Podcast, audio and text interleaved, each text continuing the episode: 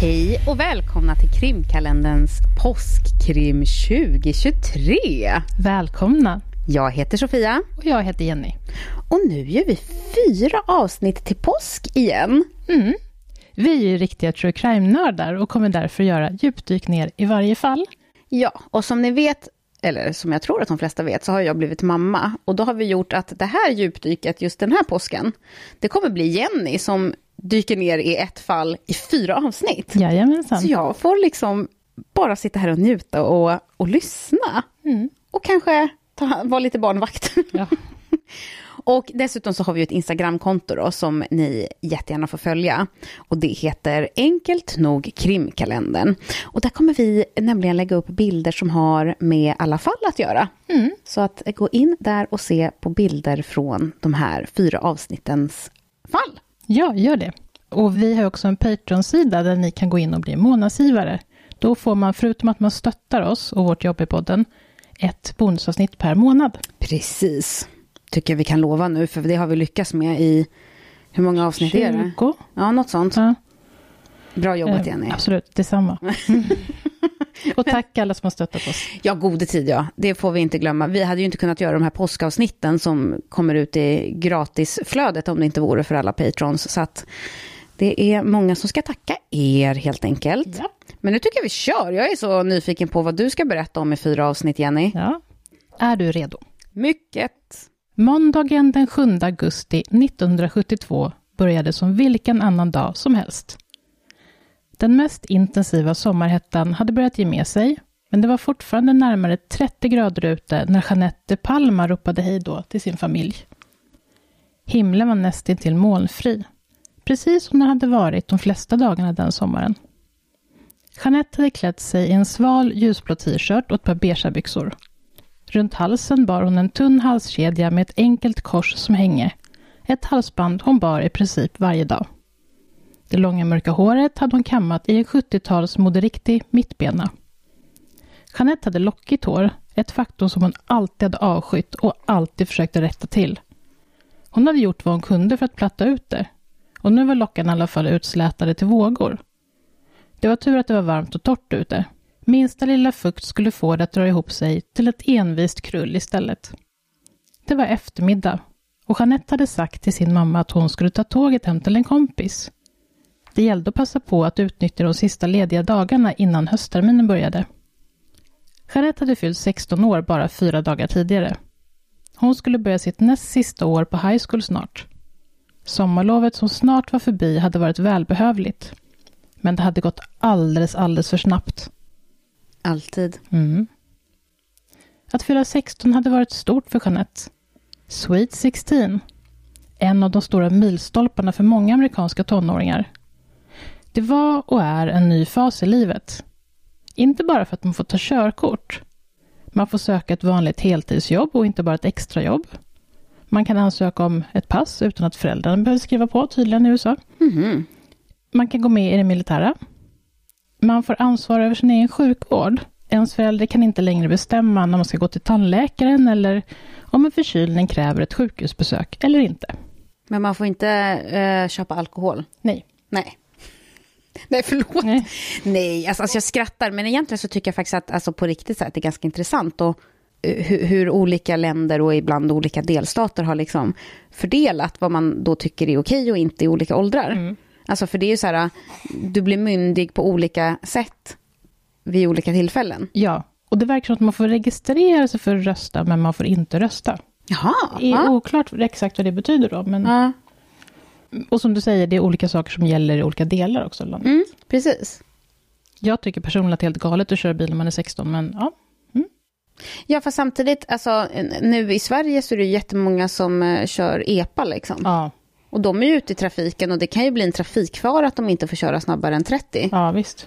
För visst är det 30 som Ja. är gränsen? Ett, ja, eller 40. Nej, det är kanske moped. Ja, Ja, jag är osäker. Jag, jag vet det är i alla fall långsamt. Det, det är i alla fall långsamt. Det kan vi ju snabbt Ja. konstatera.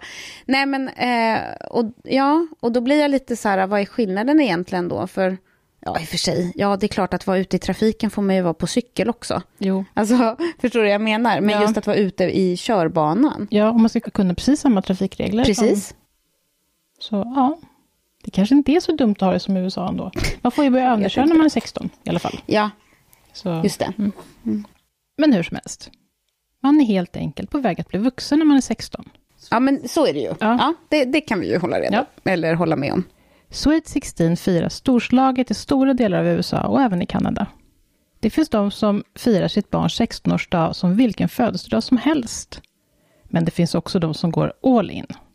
Då kan det handla om att familjen lägger en hel del pengar på att hyra festlokal, bjuda hela släkten, vänner och till och med föräldrarnas jobbkollegor. Oj. Firandet av Sweet 16 kan innefatta att köpa eller hyra påkostade kläder till sitt födelsedagsbarn, hyra en DJ till festen, köpa en miljon heliumballonger, hyra MUAs och så vidare. Och en MUA har jag tagit reda på är makeup-artist. Jaha, det visste jag inte heller. Inte jag nej, heller. nej. Men Sweet 16 kan också vara ett kyrkligt firande. Då är det oftast ett antal ungdomar som firar samtidigt med en högtidlig ceremoni. I synnerhet gäller det ungdomar med ursprung från något av de latinamerikanska länderna. Jeanette hade firat sin Sweet 16 ordentligt, men verkligen inte med ett party. Ingen grammofonskiva hade spelat American Pie med Donald McLean på högsta volym. Hitlåten som hade kommit ut året innan och fortfarande låg högt upp på topplistorna. Och verkligen inget spelande av rebellen Alice Coopers Schools Out eller David Bowies Starman. Att jag tog med det här, det var för att det känns så tidigt. Jag hade ingen aning om att Alice Cooper redan fanns 1972. Inte, nej. Det reflekterar jag inte över. Jag bara sitter och ler när du nämner alla de här låtarna. Ja. För jag bara, åh, den är bra. Åh, den är bra. Ja. Åh, den är bra. För det är, ja. Jag tycker det är roligt att få lite så här tidskänsla. Vart man Verkligen. är liksom i Ja. historien. Det här ska jag börja göra mycket mer i mina manus. Kände jag när jag hörde på dig. Det här var jätteintressant. Vad bra. Ja. Och att de här låtarna då inte spelades betyder då tydligen att hennes firande var väldigt lugnt och städat, för de här låtarna var inte det. Jaha, ja, ja. Och inga av de tonåriga gästerna hade varit iklädda kjolar som de hade rullat upp till midjan för att de skulle bli kortkorta. Inga unga killar med brylkräm i håret och uppvikta jeans. Inga långhåriga hippungdomar som dansade till YMCA. Jeanettes firande hade varit städat, men ändå fantastiskt. Nu börjar man ju undra lite så här vart detta ska leda. För jag blir så här, jaha, ska hon, är hon en fin flicka? Är det någon slags... Eller vad? Mhm. Men ändå så ska hon bege sig hemifrån och har inte berättat för föräldrarna. Ja, ja. Mm. Vi får se vart Vi detta får leder. se. Egentligen hade de inte behövt några gäster alls. De var tillräckligt många personer i familjen ändå för att få till en rätt stor fest själva. Familjen De Palma hade åtta barn. Fem döttrar och tre söner. Jeanette och hennes syskons mamma hette Florence och hennes pappa Salvatore. Florence var hemarbetande och tog hand om hem och barn, vilket med all sannolikhet var mer än ett heltidsjobb. Och Salvatore ägde och drev framgångsrikt en bilskrot.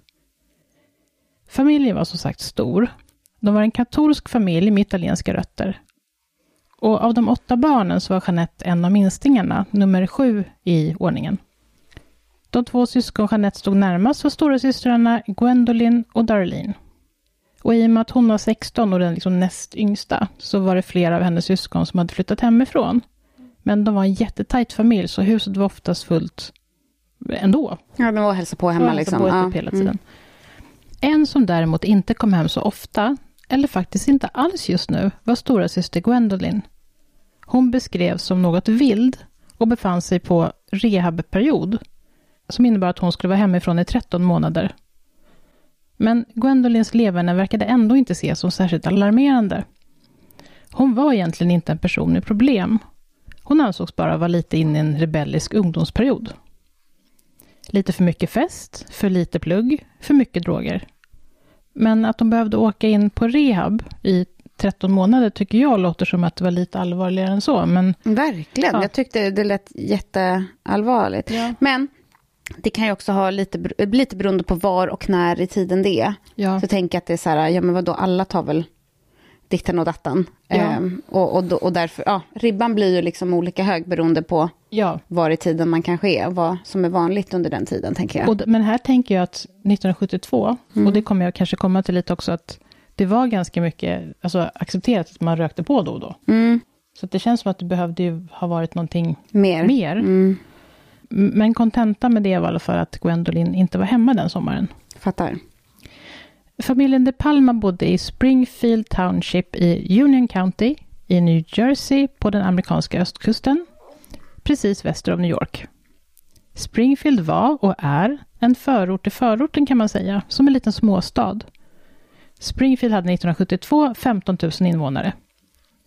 Springfield stod i stark kontrast till metropolen New York, huvudstaden med sina skyskrapor, affärscenter och shoppinggator. Ett myller av människor överallt. Ljud av bilar, ambulanser, polisbilar. Gula taxibilar och stressade personer som sprang ner i tunnelbanegångarna och upp, in i affärer och ut. Anonyma människor ständigt på väg någonstans. Och trots att det bara var fem mil in till Manhattan från Springfield var kontrasten slående. Det var inte det att det sällan hände något dramatiskt i Springfield, att livet nästan stod stilla. För Springfield var ingen sömnig landsortsstad, men allt gick ändå lite långsammare, eller kanske lugnare. Där fanns allt man behövde dagligdags, men inte mer än så. I ena änden av Springfield låg det en bilfirma och i den andra låg en bilreparatör. Och däremellan fanns en slaktare, en skomakare, en skräddare och allt annat man kunde tänkas behöva för ett amerikanskt vardagsliv i början av 1970-talet. Konkurrensen mellan de olika företagen var inte så stor. För de flesta som bodde där valde inte liksom vilken skomakare de skulle gå till baserat på pris. Mm. För det handlade liksom mer om vilken skomakare man hade bäst relation till.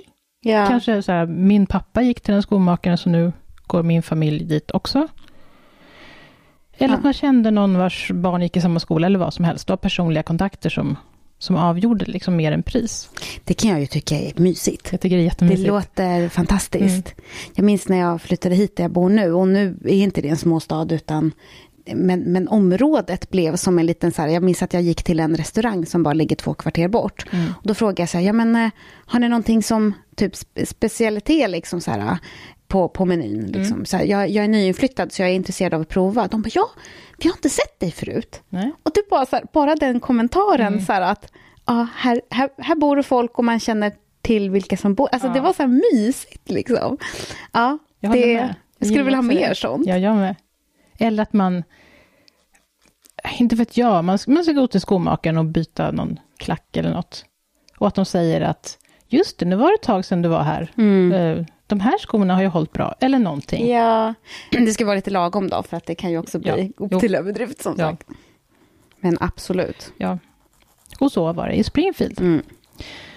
I Springfield fanns alltså motsatsen till New Yorks anonymitet. Alla kände förvisso inte alla i Springfield, det var lite större än så, men många kände varandra. Och gjorde man inte det kunde man vara säker på att rykten och skvaller skulle hjälpa en att fylla på luckorna om någon man var nyfiken på. Ja, och det var ju just den Du- biten ja. då som jag kände så här, åh, det vore kul med lite mer småstadskänsla, men inte för mycket, Nej. för då kommer man dit. Precis, det, man får både och liksom. Ja, jag fattar. Efter andra världskriget hade Springfield börjat omvandlas från ett samhälle där de flesta boende arbetade i jordbruket. Nu industrialiserades och effektiviserades jordbruket och djurhållningen. Antal arbetare i förhållande till tjänstemän krympte när mer och mer fysiskt arbete kunde ersättas av maskiner. Fler barnfamiljer flyttade in. Att bo i förorter hade blivit populärt. Ett lugnt liv, men ändå inte i någon avkrok där ingenting hände. Den låga brottsstatistiken bidrog till en känsla av trygghet. Och behovet av nybyggnation av bostäder ökade i takt med nyinflyttningen. Det som man skulle kunna kalla den lilla staden i storstaden blomstrade. När det inte fanns mer mark att bygga på inne i Springfield projekterades och byggdes i slutet av 60-talet det nya området Mountainside. Sydväst om stan, i gränsen mellan stad och skog, utmed de klippiga bergsformationer som löpte ut med staden. Mellan Springfields inre kärna och Mountainside ligger stadens populära golfbana. Och när man väl kommit till Mountain View och tittar västerut så ser man Union Countys största naturreservat, Watchtung Reservation. Ett 8 km stort, bitvis ordentligt kuperat område populärt för friluftsaktiviteter som cykling, vandring och klättring. Den högsta punkten är 89 meter hög. Området består av omväxlande bergsnatur med tät barrskog och parkliknande grönska med ängar och lummiga lövträd. Aldrig hört talas om det området. Inte. Spännande. Och åtta kvadratkilometer sa inte mig så jättemycket, men det är jättestort. Ja. I området finns bland annat en gammal koppargruva som tros ha varit i bruk så tidigt som på 1600-talet. Mm.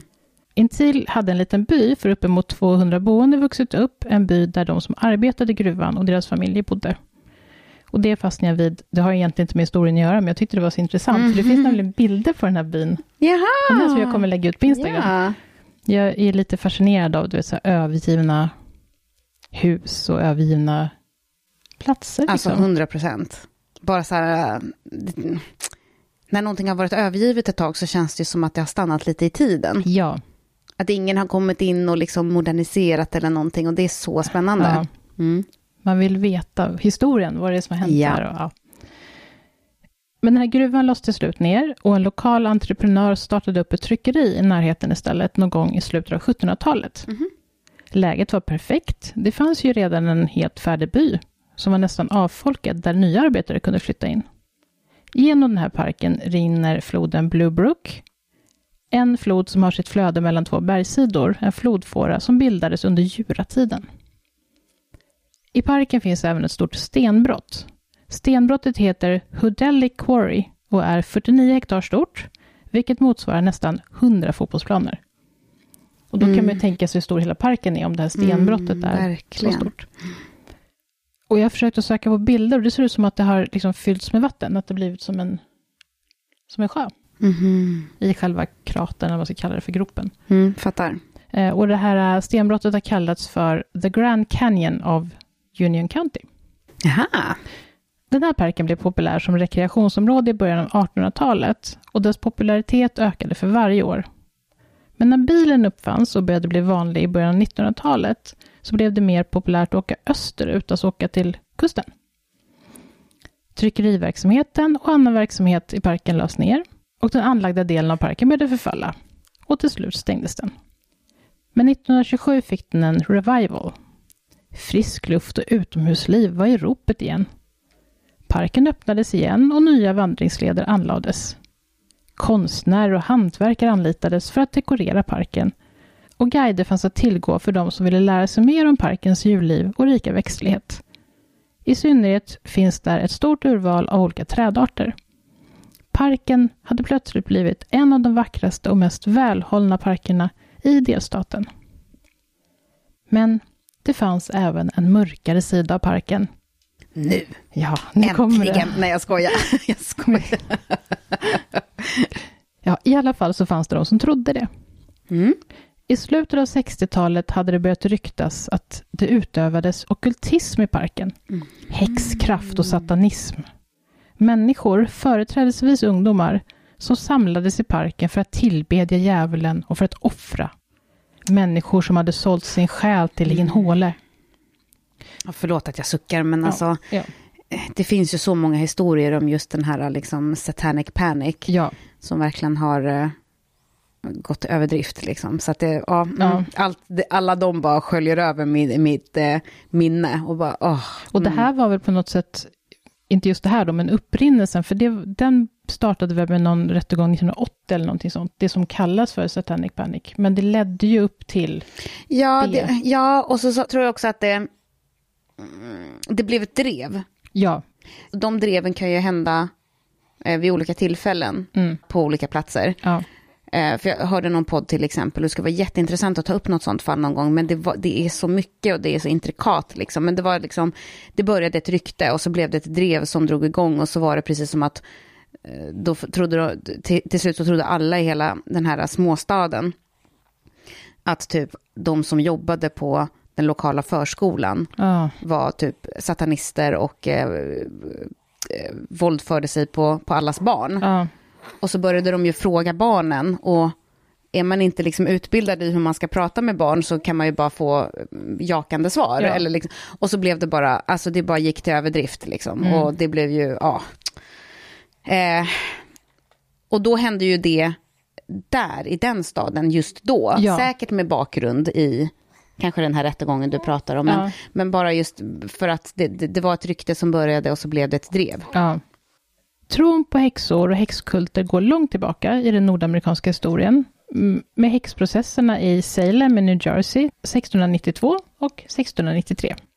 Som en slags startpunkt skulle man kunna säga. Efter det har häxkultens popularitet gått i vågor. På 1960-talet kom tv-serien Bewitched, alltså förhäxad, som blev mycket populär. Den handlar om en modern häxa som bestämmer sig för att leva ett liv som förorts hemmafru. Och den här serien är delvis inspelad just Salem, vilket ledde till att staden fick ett enormt uppsving. Innan dess hade många av invånarna skämts över stadens minst sagt trista förflutna. Mm, Men, den biten visste inte jag. Det visste inte jag heller. Nej. Det märkte jag när jag läste att ja, superdåligt rykte. Ja. De vågade inte säga typ, var kommer du ifrån? Äh, ja. Men också just att, så här, att eh, tv-showen, för Ja. den har jag hört talas om, trots att jag inte har sett den, att den gjorde en sån skillnad. ja, Spännande. de började sälja merch och det kom turister. Och, så det blev jättestort. Ja, du ser. Och jag har för mig att den här serien har också en modern En variant. film, tror jag. En film kanske, Mm, Jag tror det. Med Will Ferrell och ja. Ah, vem det nu är. jag förstår. Och ungefär vid samma tid, alltså i början på 70-talet, så grundades den obundna gruppen Women's International Terrorist Conspiracy from Hell. Förkorta, Förlåt att jag. Okej. och det, förkortar, det förkortas, inte helt förvånande, Witch. Mm. Och, och på svenska översatt det till Kvinnornas internationella terroristkonspirationssammanslutning från helvetet. Ja, Men- det är klockrent. Men det är faktiskt seriösare än vad man kan tro. Ja. För det är en grupp feminister som vill belysa patriarkatets makt och maktmissbruk, social förändring och det negativa med överdriven konsumtion, bland annat. Oj, hej och. Så, ja, ja. Namnet kunde de ju jobba lite Jo. på. Och precis, för när de säger terrorist så menar de att de består av kvinnliga förkämpar för kvinnors rättigheter. Så det är ett ord som Mhm, används- På det sättet. Ja.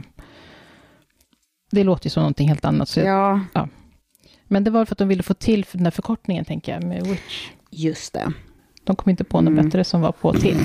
Ja. Ja. På 1970-talet började häxkollektiv bildas öppet. Och en kvinna vid namn Susanna Budapest bildade sammanslutningen Dianic Wicca, som man Mm. kanske har hört talas om. Så att man kan säga att häxkraft och ockultism var stort på 70-talet och att det ryktades om att det pågick häxriter i parken Mm, under den här mm. tiden var alltså inte konstigt. Nej, jag förstår. Var det skulle komma fram till. Mm. Men hur den var med häxkonsterna i parken så var den vacker. Och en av de stora fördelarna med det nybyggda området Mountain View var att det låg precis så nära det här naturreservatet. Mm. För att de nyinflyttade i det nya området smidigt skulle kunna ta sig in och ut ur staden byggdes en ny, ordentlig och påkostad väg, Mountain View Road. Och för att kunna ta sig till Mountain View behövde dessutom både brandkåren och polisen utökas med fler utryckningsfordon. Så det blev som en dubbel, liksom, större väg och fler fordon. Och allt det här kostade naturligtvis.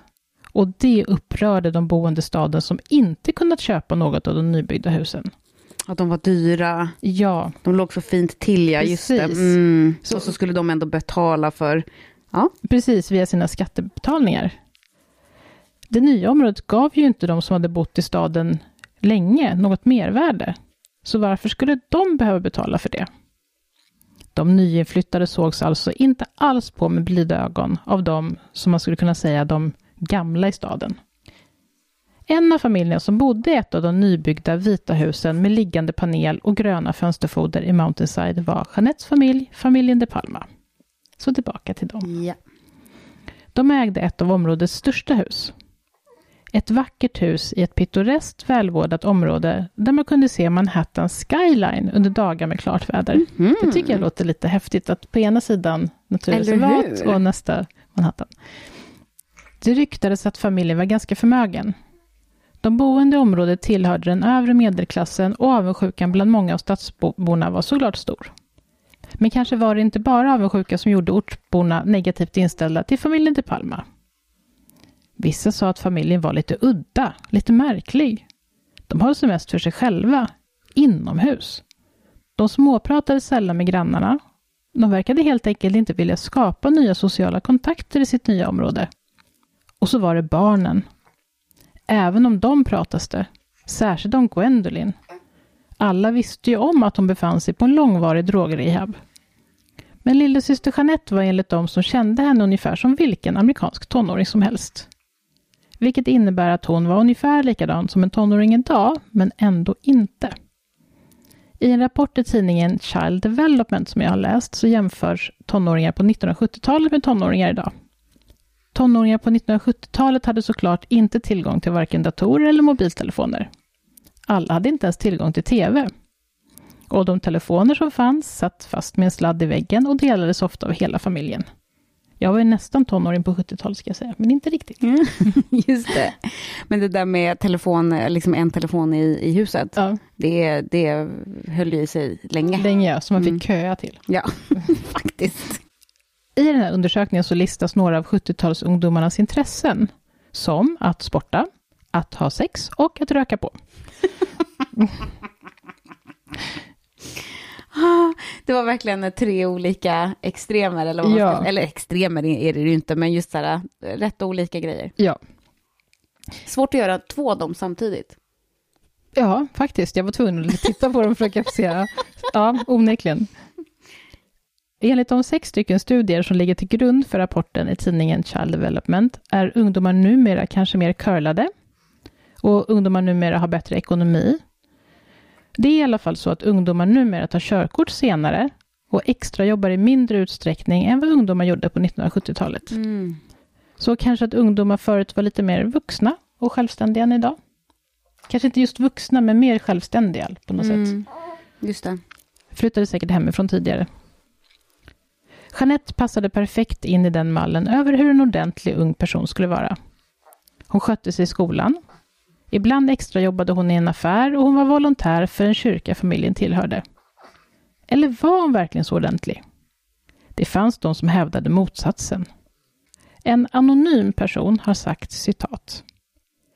Jeanette var inte den typiska amerikanska flickan, om du förstår vad jag menar. Alltså, Jeanette var ingen helylletjej.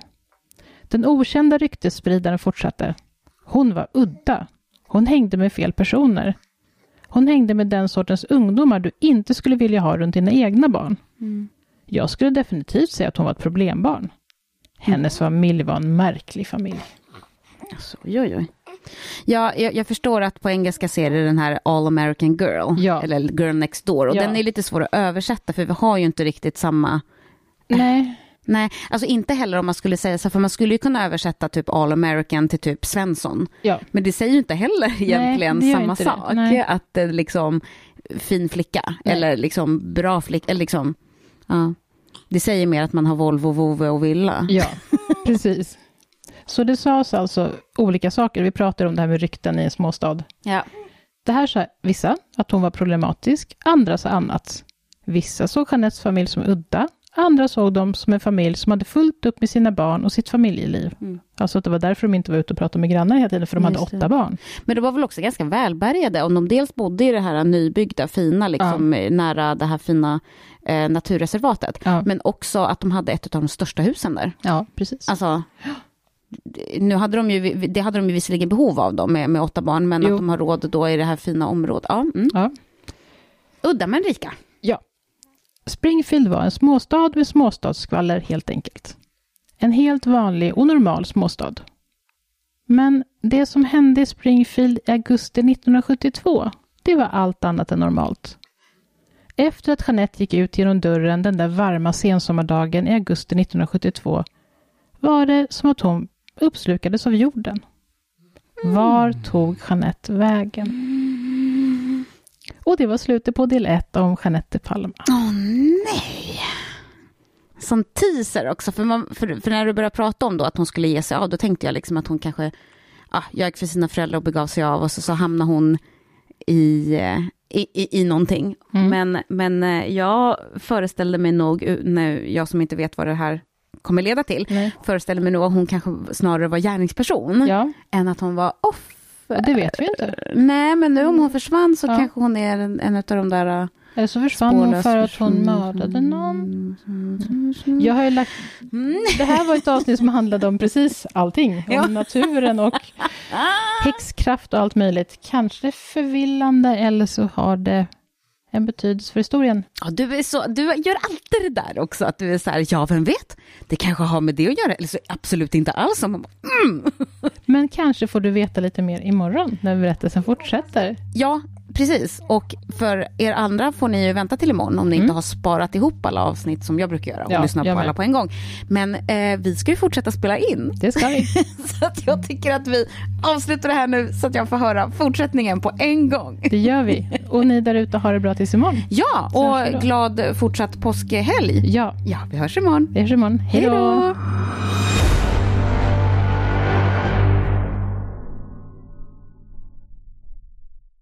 Och enligt de sex studier, inte, se, inte sex studier, utan ut, enligt, ja, enligt de sex stycken studier